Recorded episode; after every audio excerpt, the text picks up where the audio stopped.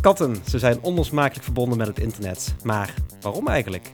Ik ben Hai Kranen en in deze podcast leg ik de digitale wereld uit aan de hand van een vraag van een gast. Dit is Hai Kranen legt het internet uit.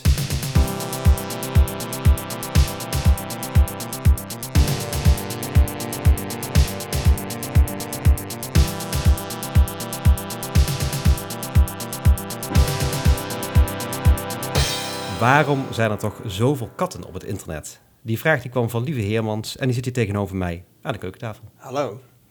Lieve, jij bent een van de oprichters van het podcastnetwerk, waar deze podcast ook trots lid van is. Maar zijn er nog andere dingen die we van je moeten weten? Ik kom net uit mijn werk, dat is een kaaswinkel. De KEF. En af en toe zoeken we ook combinaties met drankjes, zoals Mhm. wijn. We hebben het vandaag een vergadering gehad. We gaan eentje doen met sake. Oh, Dat lijkt me echt Ja. vet. En hobby's, ik zwem wel eens. heel goed. En eh, eh, ik heb je eerder gebeld zodat jij je vraag kon stellen. En toen zei jij dit. Het heeft ook een beetje te maken met de, plek waar wij elkaar voor het eerst eh, ontmoeten. Dat was vorig jaar bij DocLab. En DocLab is het interactieve documentaire gedeelte van ITVA. Zij hebben als logo een kat. En dat komt omdat DocLab over interactieve documentaires die op het internet afspelen. En een kat staat dus voor het internet. Ja, wat, wat heeft het het karakter van een kat te maken met het internet? Ja, wat heeft het karakter van een kat te maken met het internet? Eh, ik heb wat dingen voor je, Oeh, alsjeblieft. deze ken ik. Welke is dat? Ik moet het even omschrijven voor de luisteraar. Eh, heet die Ninja Cat? Ne- Neon Cat. Neon Cat.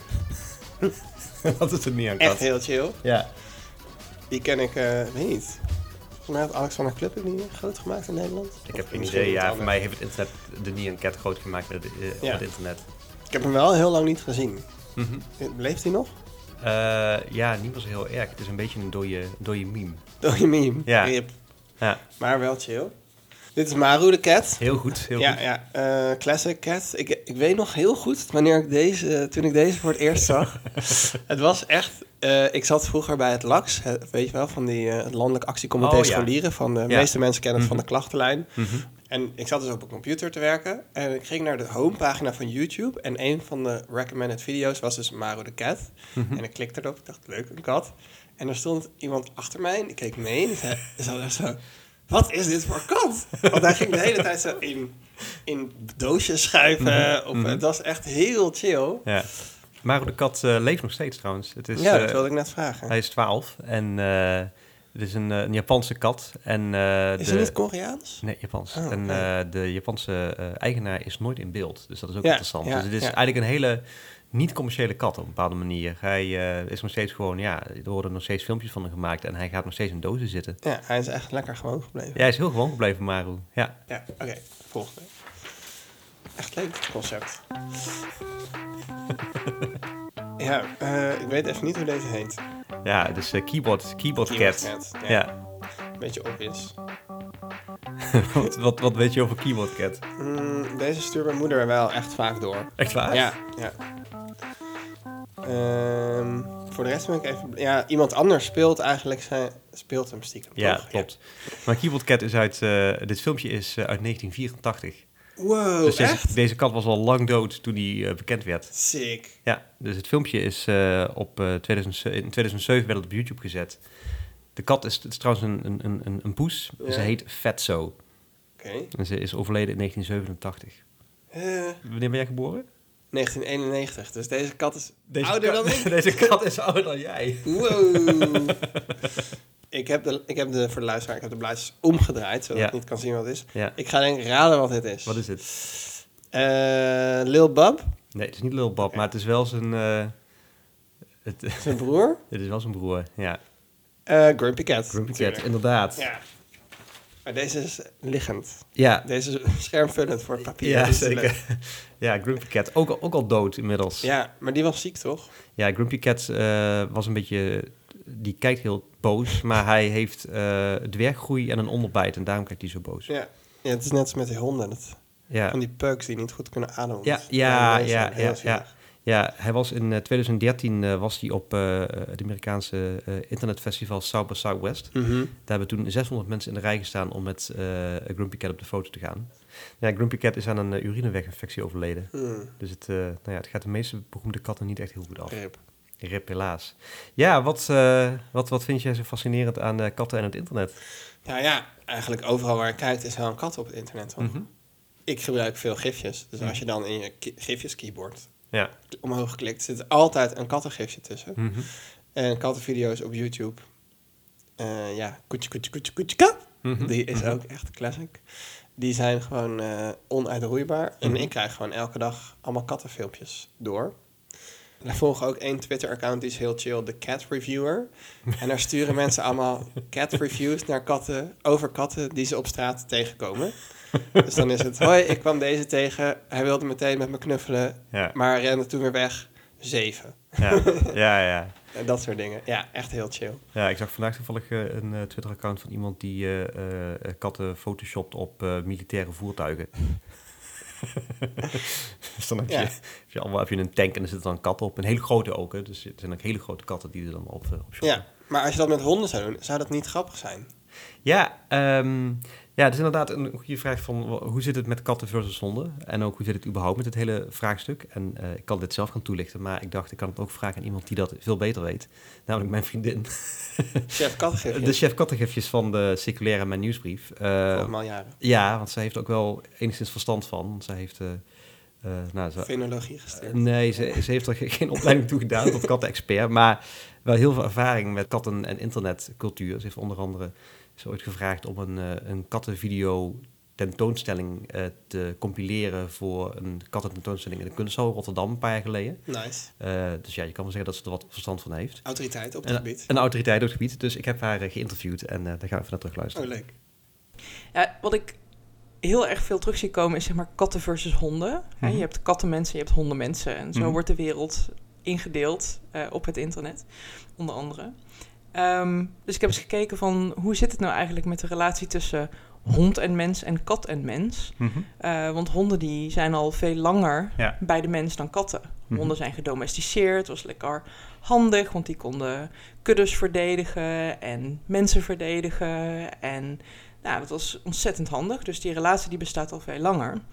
Maar toen, dus dit is een aanname, maar toen mensen van jager-verzamelaar dachten van, nou, kan ook wel eens een boer worden en ik ga gewoon lekker ergens rondhangen en daar een akkertje Mhm.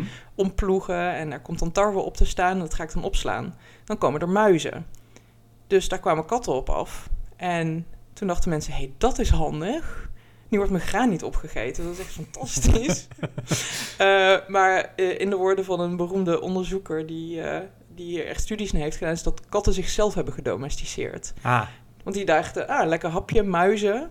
En mensen dachten, oh, dat is misschien wel leuk om ze dan bij ons te houden. Ah, dus eigenlijk het hele, het hele idee van, laten we zeggen, de, de hond als de trouwste vriend van de mens en de kat als een beetje de eigenzinnige, ja, het eigenzinnige Ja. karakter. Dat ligt eigenlijk al besloten in de manier waarop ze eh, gedomesticeerd zijn. Ja, ja, want katten die zijn pas tussen aanhalingstekens 12.000 tot 9.000 jaar geleden bij de mens gekomen. Honden zijn er al langer. Eh, maar er is een graf op Cyprus gevonden dat iemand met zijn kat begraven is. Oh, Ja. En eh, toen werd wel, daar, daar werd wel echt duidelijk uit van, ha, nou, als iemand met zijn kat begraven wordt, dan hoort de kat er toch ook wel bij. Wat heeft dan dat karakter van dat wat meer eigenzinnige, wat heeft dat dan te maken met het internet? Naast dat katten bepaalde eigenschappen hebben, die mensen ze of toedichten of die ze ook hebben, dat ze zelfstandig zijn en ze doen eh, zo'n beetje waar ze zelf zin in hebben. Ze zijn ook wel een beetje een soort van jerks. Terwijl Mhm. honden zijn heel braaf en volgzaam. Hebben ze ook gekeken naar, is er een verschil tussen mensen die zich typeren als hondenmens en kattenmens? En hondenmensen zijn ook wat meer genegen om de regels te volgen, Ah. bijvoorbeeld. Terwijl kattenmensen, die zijn wat ja, zelfstandiger. Die gaan Mhm. meer hun eigen weg. Eh, zijn ook wat dwarser. Ehm, kortom, katten klinken voor mij wat meer als kunstenaars en creatievelingen. Omdat ze wat meer non-conformistisch zijn dan hondenmensen. Dus zou je dan kunnen zeggen, omdat voor mij, ja, van het internet, in ieder geval voor mijn gevoel, is het internet eigenlijk al vanaf het begin meer een kattending.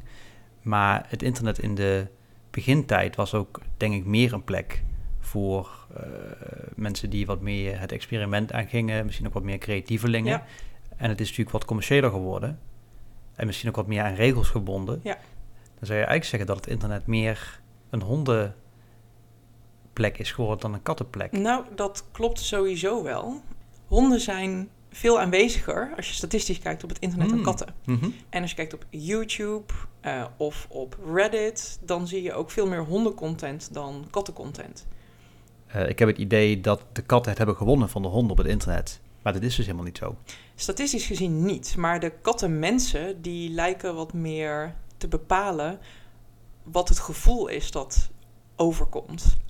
En ehm, het ehm, Center for the Moving Image, Mhm. een soort van eh, een beeldarchief, een Mhm. audiovisueel archief in Amerika, die heeft een keer een kattententoonstelling gedaan. Ah. Ehm, en daar hebben ze ook onderzoek gedaan dat hondenmensen die komen elkaar al wel tegen, maar kattenmensen zitten heel veel binnen. En die hebben zich best wel lang, dat is hun theorie, alleen gevoeld. Terwijl op het internet komen ze ineens achter van... hé, er zijn heel veel mensen zoals ik. Ja, ja. ja. Ehm, dus daar hebben ze elkaar toch wat meer gevonden. En dan krijg je toch wat sterker zo'n soort community gevoel... eh, dan dat je dat krijgt als je gewoon letterlijk in de fysieke wereld buiten loopt... en een praatje maakt terwijl je je hondje uitlaat. Maar wat wel goed is om te weten... ehm, katten domineren, en ook honden, eh, de westerse internetwereld. Maar in Oeganda zijn bijvoorbeeld kippen en geiten een stuk populairder op het internet. Dus eh, het, is, de, het is in ieder geval een westerse blik op, op het internet. Dus ik kan me best voorstellen dat het, de mascotte van het ITVA Doc Lab op een gegeven moment gewoon een geit wordt. Nou, Waarom niet? Ja. nou, dat, dat is een fantastisch antwoord, vind ik. Dankjewel, Lotte. Graag gedaan.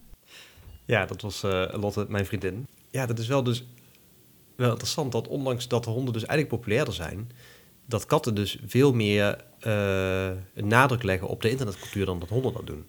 Want ik moest ook nadenken, ja, kijk, als je zegt kattenmemes, dan krijg je snel dus Grumpy Cat of Keyboard Cat. Maar Mhm. ja, hoeveel bekende hondenmemes zijn er? Ik, Je hebt eh, So Much Wow Dog. ja, maar dit is er eentje, hè? Ja, dat, is is de enige die nu, nu te binnen Ja. schiet. En die hebben ook niet zeg maar dezelfde soort van following. Ik denk, denk ik bedoel, dat mijn moeder kent Grumpy Cat. Maar Ja. ik denk de, de, de So Much Wow Dog, ja, dat is echt een beetje een Dat, soort is- dat van... een niche. Het is echt een niche. En ehm, ja, dat lijkt dus ook wel een beetje besloten te zitten in het feit dat katten ook een ander soort karakter hebben. Of in Mhm. ieder geval, dat vind ik ook wel interessant, dat we dus eigenlijk niet zozeer hebben over honden en katten, maar vooral over honden en katten mensen. Ja, want die katten zetten zichzelf natuurlijk niet op het internet. Nee. En dat dus blijkbaar we allemaal eigenschappen toeschrijven aan die beesten, waar we dan vervolgens een hele cultuur omheen bouwen. Ja, Ja, ik zat te denken, het heeft een beetje dezelfde soort van eh, eh, lading als het verschil tussen Mickey Mouse en Donald Duck. Mhm. Omdat je natuurlijk bij Mickey Mouse, dat is ook alleen maar, ja, die is gewoon alleen maar vrolijk en Ja. blij.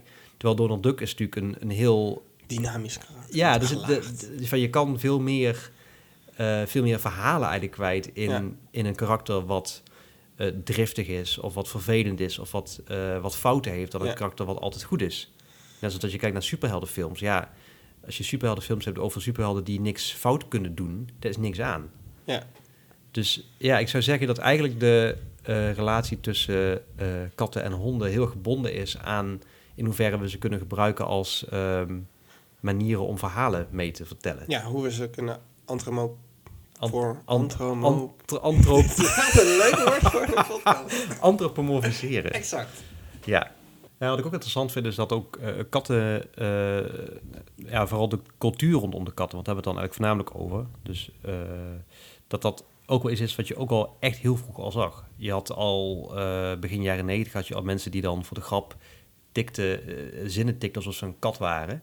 En dat is later, ik weet niet of je nog de, de hele memes rond eh Icon has Cheeseburger kan herinneren. Ja, ja. Lol, lolcats, dus Mhm. eh, voor de luisteraars die dat niet weten. Dat zijn een soort van voorlopers eigenlijk van ja, meme-plaatjes. Dus een, een lolcat, het is eigenlijk een macro, een image macro van een, een kattenplaatje met een, met een tekst erop. Ja. En vaak zijn die teksten expres fout gespeld, alsof het een kat is. Ja, een soort dia kattendialect. Ja, Zo. ja. ja. Maar ook dat zeg maar, dat heet, taaltje. ja, een taaltje, een soort van raar taaltje. Maar datzelfde, dat taaltje was eigenlijk al bestond over dat die kattenplaatjes er waren. Oh, oké. Dus dat is, dat is een soort Zijn aan van elkaar gekoppeld. dat is al doorge, doorgeëvalueerd. Bijvoorbeeld zelfs een site als 4chan, Mhm. wat natuurlijk een beetje het afvoerputje is van het internet, waar, eh, laten we zeggen, eh, alt-right, eh, Verzameld. nou ja, niet alleen dat, maar ook, ja, god, nou, waar echt mensen, zeg maar, kinderporno, de, de dode mensen combine- Mhm. combineren met heel veel, heel veel pornoplaatjes en allemaal andere troep. Eh, daar had je de traditie van Kettle Day, dat mensen op zaterdag kattenplaatjes gingen posten. Mhm. Dus tussen de kinderporno en de soort van nazi-plaatjes heb je opeens gewoon kattenplaatjes. Ah, ja. Dus blijkbaar zelfs op zo'n Ja. dat soort plekken, En zelfs in de hel. zelfs in de hel zijn er kattenplaatjes. Ja, Ze zijn ook zo ehm, charming of zo. Er zit een soort enigma achter. Mhm.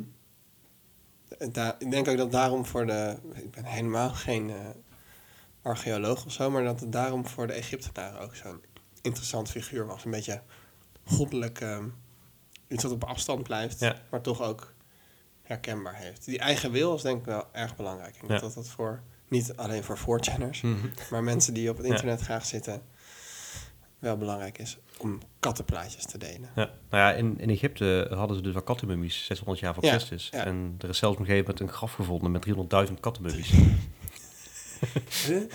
die Egyptenaren, die Dat namen, die namen hun katten, katten, katten wel serieus. Ja, precies. ja, zie. Ja.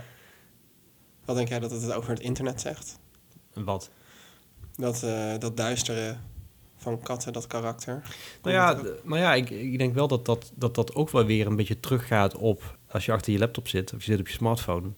Ja, dit is een hele solitaire bezigheid. Mhm. Eigenlijk zijn we allemaal katten als we het internet gebruiken. Ja. Dat is het. Dat is het een beetje, ja. De, ja. ge- de internetgebruiker is een kat. De internetgebruik is een katje. En dat gaat ook wel terug. Ik weet, ik zei, ik dacht- net toen ik luisterde, maar over dat logo van Doclab. Eh, ik heb gehoord dat hij weg moet. De kat. Ja.